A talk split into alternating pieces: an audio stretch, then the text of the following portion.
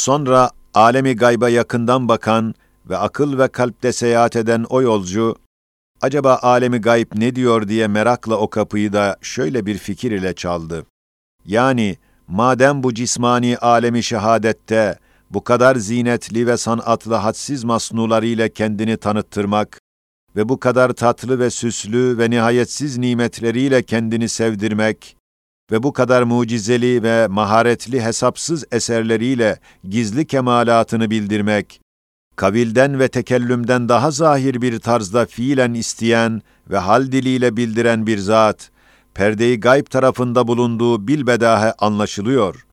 Elbette ve herhalde fiilen ve halen olduğu gibi kavlen ve tekellümen dahi konuşur, kendini tanıttırır, sevdirir. Öyleyse alemi gayb cihetinde onu, onun tezahüratından bilmeliyiz dedi, kalbi içeriye girdi, akıl gözüyle gördü ki, gayet kuvvetli bir tezahüratla vahiylerin hakikati, alemi gaybın her tarafında her zamanda hükmediyor. Kainatın ve mahlukatın şehadetlerinden çok kuvvetli bir şehadeti vücut ve tevhid, Allamul Guyub'tan vahiy ve ilham hakikatleriyle geliyor. Kendini ve vücut ve vahdetini yalnız masnularının şehadetlerine bırakmıyor. Kendisi kendine layık bir kelamı ezeli ile konuşuyor. Her yerde ilim ve kudretiyle hazır ve nazırın kelamı dahi hadsizdir ve kelamının manası onu bildirdiği gibi tekellümü dahi onu sıfatıyla bildiriyor. Evet, yüz bin peygamberlerin aleyhimüsselam tevatürleriyle ve ihbaratlarının vahyi ilahiye mazhariyet noktasında ittifaklarıyla ve nev-i beşerden ekseriyet mutlakanın tasdik gerdesi ve rehberi ve muktedası ve vahyin semereleri ve vahyi meşhud olan kütüb-ü mukaddese ve suhuf-u semaviyenin delail ve mucizatlarıyla hakikati vahyin tahakkuku ve sübutu bedahet derecesine geldiğini bildi ve vahyin hakikati beş hakikati kutsiyeyi ifade ve ifaza ediyor diye anladı. Birincisi, ettenezzülatül ilahiyetü ila ukulil beşer denilen, beşerin akıllarına ve fehimlerine göre konuşmak bir tenezzülü ilahidir. Evet, bütün ziruh mahlukatını konuşturan ve konuşmalarını bilen, elbette kendisi dahi o konuşmalara konuşmasıyla müdahale etmesi, rububiyetin muktezasıdır. İkincisi, kendini tanıttırmak için kainatı bu kadar hadsiz masraflarla baştan başa harikalar içinde yaratan ve binler dillerle kemalatını söylettiren, elbette kendi sözleriyle dahi kendini tanıttıracak.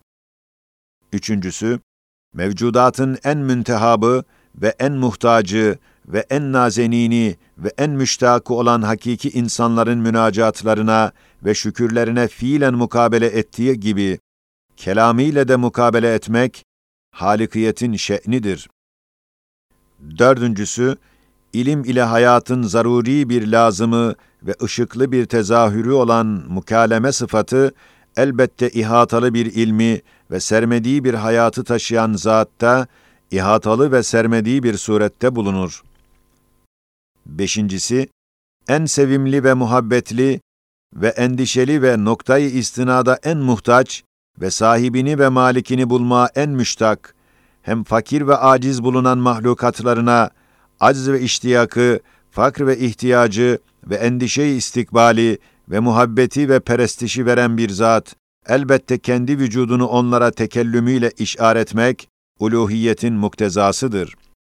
İşte tenezzülü ilahi ve taarrufu Rabbani ve mukabele-i Rahmani ve mükaleme-i Sübhani ve işar-ı samedani hakikatlarını tazammun eden umumi semavi vahiylerin icma ile vacibül vücudun vücuduna ve vahdetine delaletleri öyle bir hüccettir ki, gündüzdeki güneşin şuaatının güneşe şehadetinden daha kuvvetlidir diye anladı.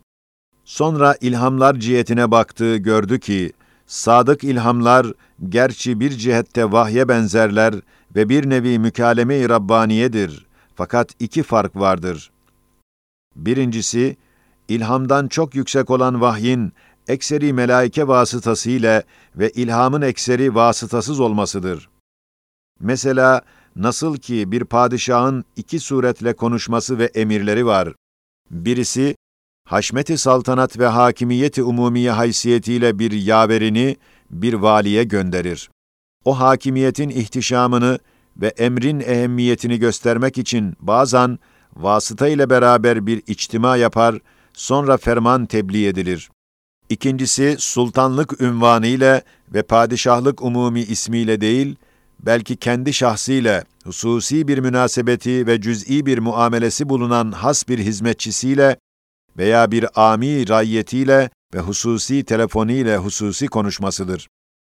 Öyle de, Padişah Ezeli'nin umum alemlerin Rabbi ismiyle ve kainat haliki ünvanı ile, vahiy ile ve vahyin hizmetini gören şumullü ilhamları ile mükalemesi olduğu gibi, her bir ferdin, her bir zihayatın Rabbi ve Haliki olmak haysiyetiyle hususi bir surette fakat perdeler arkasında onların kabiliyetine göre bir tarz-ı mükalemesi var.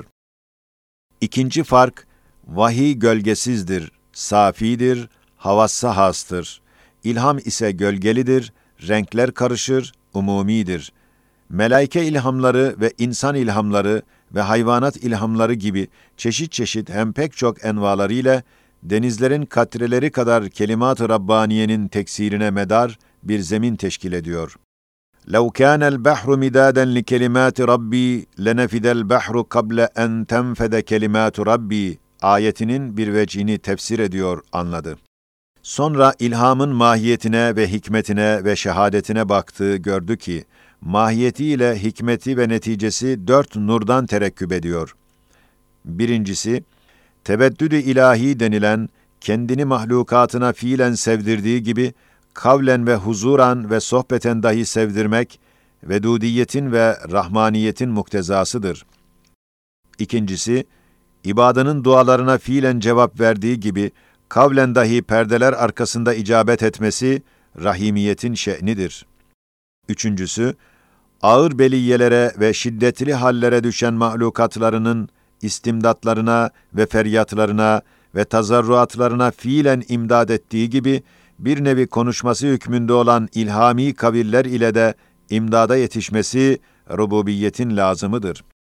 Dördüncüsü, çok aciz ve çok zayıf ve çok fakir ve çok ihtiyaçlı ve kendi malikini ve hamisini ve müdebbirini ve hafızını bulmaya pek çok muhtaç ve müştak olan zişur masnularına vücudunu ve huzurunu ve himayetini fiilen ihsas ettiği gibi bir nevi mükalleme-i Rabbaniye hükmünde sayılan bir kısım sadık ilhamlar perdesinde ve mahsus bir mahluka bakan has bir vecihte, onun kabiliyetine göre onun kalp telefonuyla kavlen dahi kendi huzurunu ve vücudunu ihsas etmesi, şefkat-i uluhiyetin ve rahmet-i rububiyetin zaruri ve vacip bir muktezasıdır diye anladı.